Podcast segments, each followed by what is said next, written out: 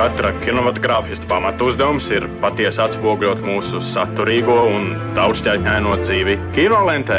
Izceļot tipisko un izlaižot mazsvarīgo, akcentējot panākumus un nenoklusējot dažkārt sastopamus trūkumus.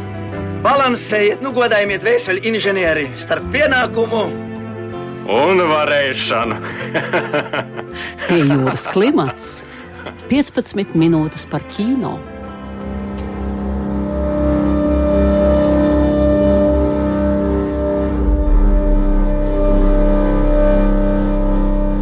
Labdien, mīļie radioklausītāji! Jau pavisam drīz, 18. oktobrī, sāksies Rīgas starptautiskais kinofestivāls, kuru šogad ievadīs Dāvijas īmaņa filmas Tēvs nakts īpašais seans. Lai gan filmas pirmizrāde vēl tikai gaidām, tā jau tikusi nominēta Nacionālajai kinobalvai Lielais Kristaps 12 kategorijās, tostarp arī nominācijā Labākais komponists. Tādēļ raidījuma ietveros būs iespēja dzirdēt Edgara Rubeņa īpaši šai filmai radītās mūzikas fragmentus.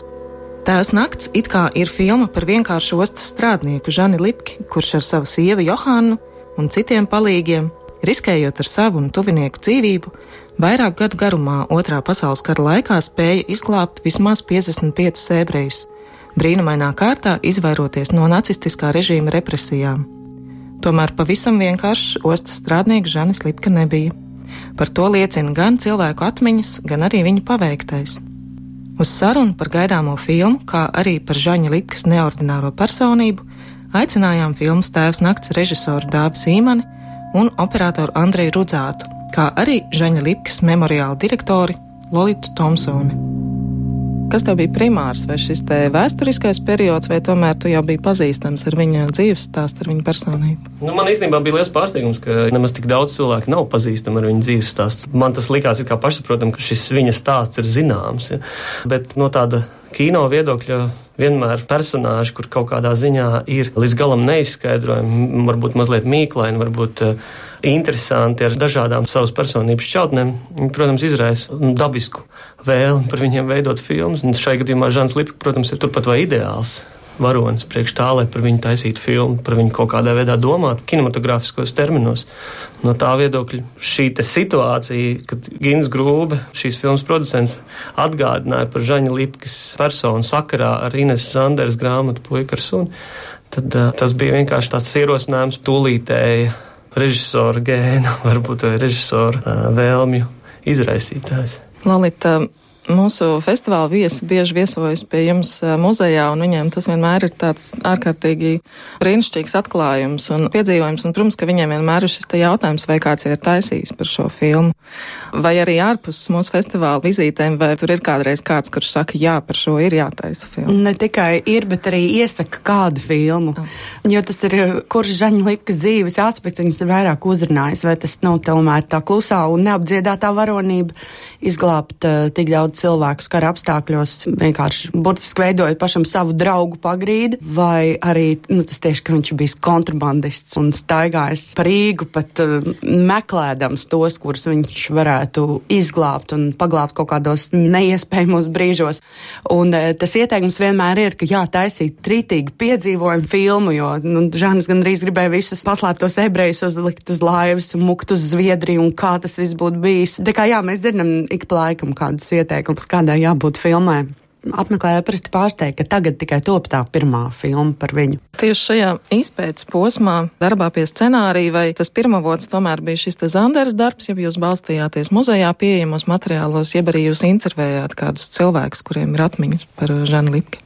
Jāsaka, godīgi, viss trīs uzskaitītie varianti. Ja. Tā bija tāda sintēze no šiem dažādiem izpētes virzieniem. Šis sākotnējais impulss nāca tieši no Ines Zanders, literārā darba, bet, nu, var teikt, Lolita, kur ar filmu jau ir redzējusi, viena no, da, viena no darba versijām, visticamāk, es varu apliecināt to, ka tomēr filma ir aizgājusi varbūt citā virzienā nekā Ines Zanders grāmata, bet es atkal domāju, ka tas varbūt ir pat labi, ka literārais darbs, viņš pastāv kaut kā tā savā vienā formā un runā varbūt kaut kādos vienos vārdos, un ir filma, kas runā citos vārdos, nevis mēģina kaut kādā veidā konkurēt ar šo literāro pirmavotu. Ja, no tā viedokļa, manuprāt, eh, tur nav nekāda pretruna. Tas ir pat īstenībā labi, ka kaut kas var pamudināt notikt kaut kam citam. Un, un šajā gadījumā jā, tas noteikti tas sākotnējais punkts ir Ines Sanders darbs, bet vēlāk, eh, kurš ir apaudzēts ar ļoti nopietnu izpēti attiecībā uz dažādiem Žaņa Līpkas dzīves aspektiem. Un runājot par filmas vizuālo tēlu, par estētiku, tas atkal ir kaut kas pavisam savādāks. Ja atskatāmies uz jau minēto panu sanatoriju, uz Escaping Riga, kā veidojās šis filmas tēls, vai to ir ietekmējuši kaut kādi kanoni, kā veidot filmas par holokaustu, jeb arī tajā ir kaut kāds atsaucis uz tev tuviem režisoriem, jeb tas ir kaut kāds turpinājums šīm te tavām iepriekšējām filmām. Es domāju, ka uz šo jautājumu vislabāk varētu atbildēt Andrejs Ruzāts, jo es, es domāju, ka tieši viņš ir lielā mērā atbildīgs par filmas veidolu, kāds viņš ir. Mūsu līdzinējā sadarbība vienmēr ir bijusi tāda, ka mēs ar katru filmu kaut ko mēģinām varbūt pamainīt vai eksperimentēt kaut kādā savā veidā. Nu, sākot darbu pie šīs filmas, protams, ka nācās diezgan daudz gan lasīt, gan skatīties dokumentālas liecības par konkrēto periodu.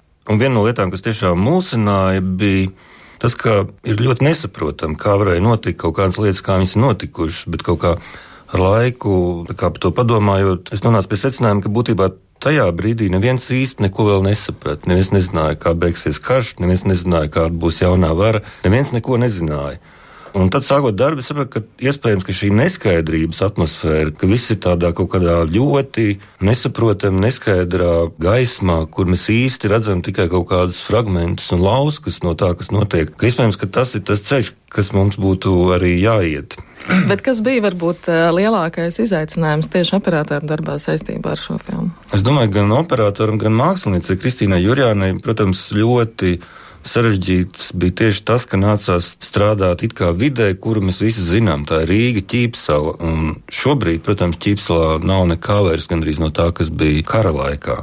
Ķīpsala ļoti mainījusies, līdz ar to mums nācās ļoti daudzas lietas tieši tā rādīt, pa tādu, kā es teiktu, nelielu atslēgas caurumu skatīties uz šo pasauli, kā tā iespējams varēja būt. Es domāju, ka tieši šeit pierādās tur operatoru un mākslinieku īpašā sadarbība, ka viņi spējuši tieši rekonstruēt kaut kādu tādu vidi, kura ir degradēta, kur ir smaga, kura ir jau piedzīvojusi šo kara kaut kādu ietekmi, ja? bet ir īsta, viņa vienlaikus ir autentiska. Tas, tas, manuprāt, ir ļoti svarīgi.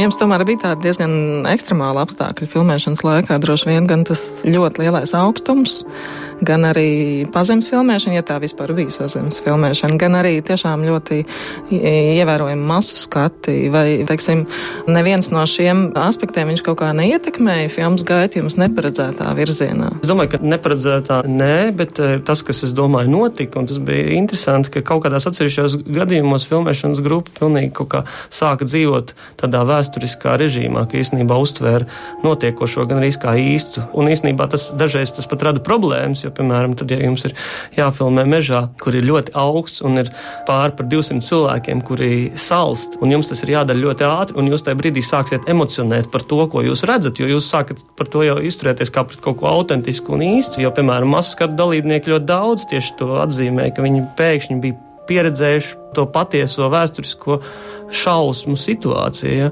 Bet filmēšanas grupa to nevar atļauties. Tāpēc varbūt tas lielākais izaicinājums, neskatoties to, ka ir visu laiku tā sajūta, ka tu patiešām varbūt esi tajā laikā, ka tu mazliet esi pietuvojies un pats dzīvo tajā laikā, ka tomēr visu laiku gūt šo mazliet arī atsvešināto skatienu, spēt to novērtēt kaut kā racionāli un būt ar skaidru galvu. Un tas īstenībā bija liels izaicinājums ne tikai tiem galvenajiem radošajiem cilvēkiem grupā, bet visai filmēšanas grupai. Lolita, man tā jautājums par uh, Žaņa Likas memoriālu. Tā ir laikam vienīgā ar uh, holokaustu saistītā piemiņas vieta, kas manī neiedveš tādas stindzinošas bailes. Kas ir tas uh, īpašais, kas veido šī muzeja unikalitāti? Kāpēc tur cilvēki jūtas savādāk kā citur? Es domāju, ka pateicoties uh, Zaigas gāles arhitektūrai, ka tā ēka pārsteidz. Gan tas, ka tu ieej sākumā šķiet, ka malkas šķūnī un var maldīties pa muzeju. Viņš ir veidots kaut kādā neparastā veidā, ļaujot tev gan apmaldīties, gan atrast kaut kādu to savu lipkas stāstu. Bet uh, galvenais man šķiet, ka tā ēka ir būvēta Lipkas ģimenes dārzā. Joprojām Lipkas uh, jaunākā dēla atraitne turpat vien dzīvo blakus.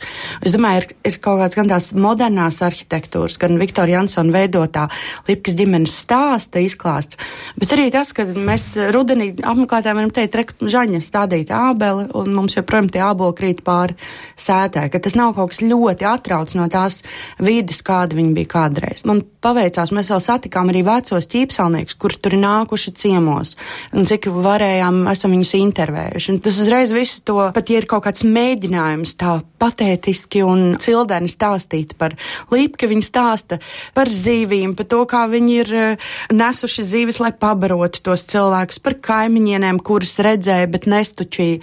Ir tā dzīvā saikne tomēr ar ķīpsalu, kura, kā Dāvis teica, šobrīd izstāsta pavisam savādāk, bet mums ir gan fotografijas, gan liecības par to ķīpsalu, kāda viņa bija principā līdz 90. Un ir Herca Franka filmētie kadri, kur viņš nāk intervēt Johānu Žaņlipkas sievu, kur bija visu šo glābšanu stāstu dalībniece un ne tikai barotāja, bet arī paģērbsies pa puiku stāvēja uz vakts, tā ka viņi gāja uz geto nestēdienu. Tā kā uh, tas viss turpatās vien ir. Un es domāju, tas uh, Lipkas memoriāls uh, mēģina atrast kaut kādu to līdzsvaru starp modernu arhitektūru un to ļoti asketisko stāstu un, un ģimeni, kas ir ģimene pateicoties, kurai šie 50 cilvēkiem bija lemti nāvei, kā lielākā daļa Latvijas ebrē, bet uh, kuri iegāja dzīvē un turpināja. Daudz atrada vai veidoja otrās ģimenes pēc tam, kad no viņu pirmajām ģimenēm nebija palicis pāri vairs neviens. Un uh, tu jau esi redzējusi filmu? Tā, es esmu redzējis priekšpēdējo versiju, bet es domāju, ka es esmu. Priekšpēdējo šķiet vēl priekš, priekšpēdējo.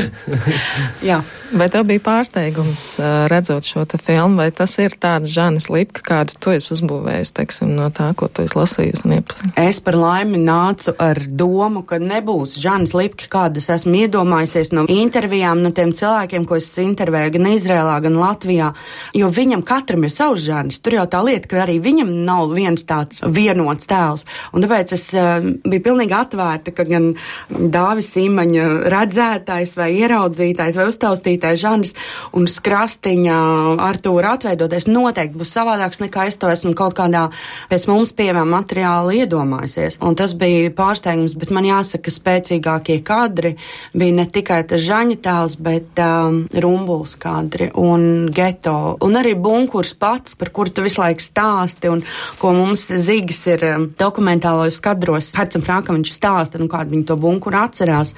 Bet vizuāli to ieraudzīt, kaut ko tādu, ko tu tā redzēsi tikai skicēs, tas ir spēcīgi. Droši vien liels pārsteigums skatītājiem būs Arturs Krastīņš.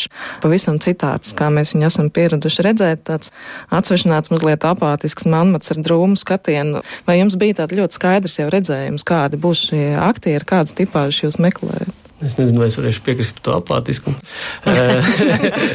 jo es domāju, ka tas ir pats svarīgākais, lai cilvēkam ir iekšēja enerģija. Tas, ka viņš varbūt ārēji ir mazliet varbūt pasīvāku fiziognomiju.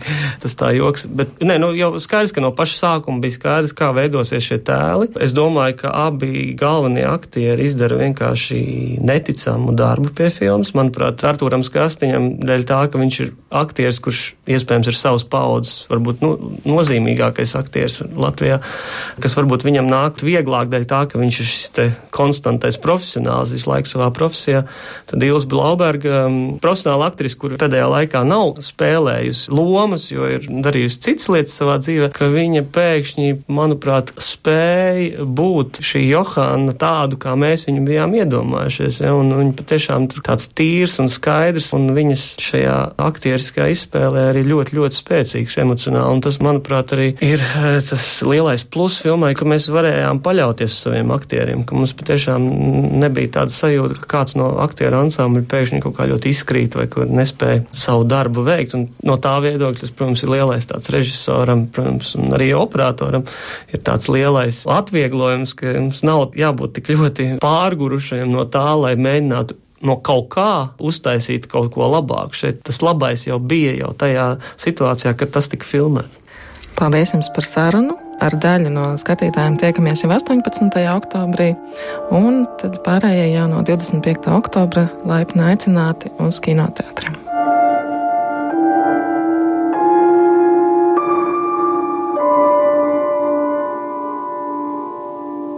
Raidījumu vadīja Sonora Broka pie jūras klimata producentes Inga Saksone un Agnese Zeltiņa. Raidījums tapis ar valsts kultūra kapitāla fonda atbalstu.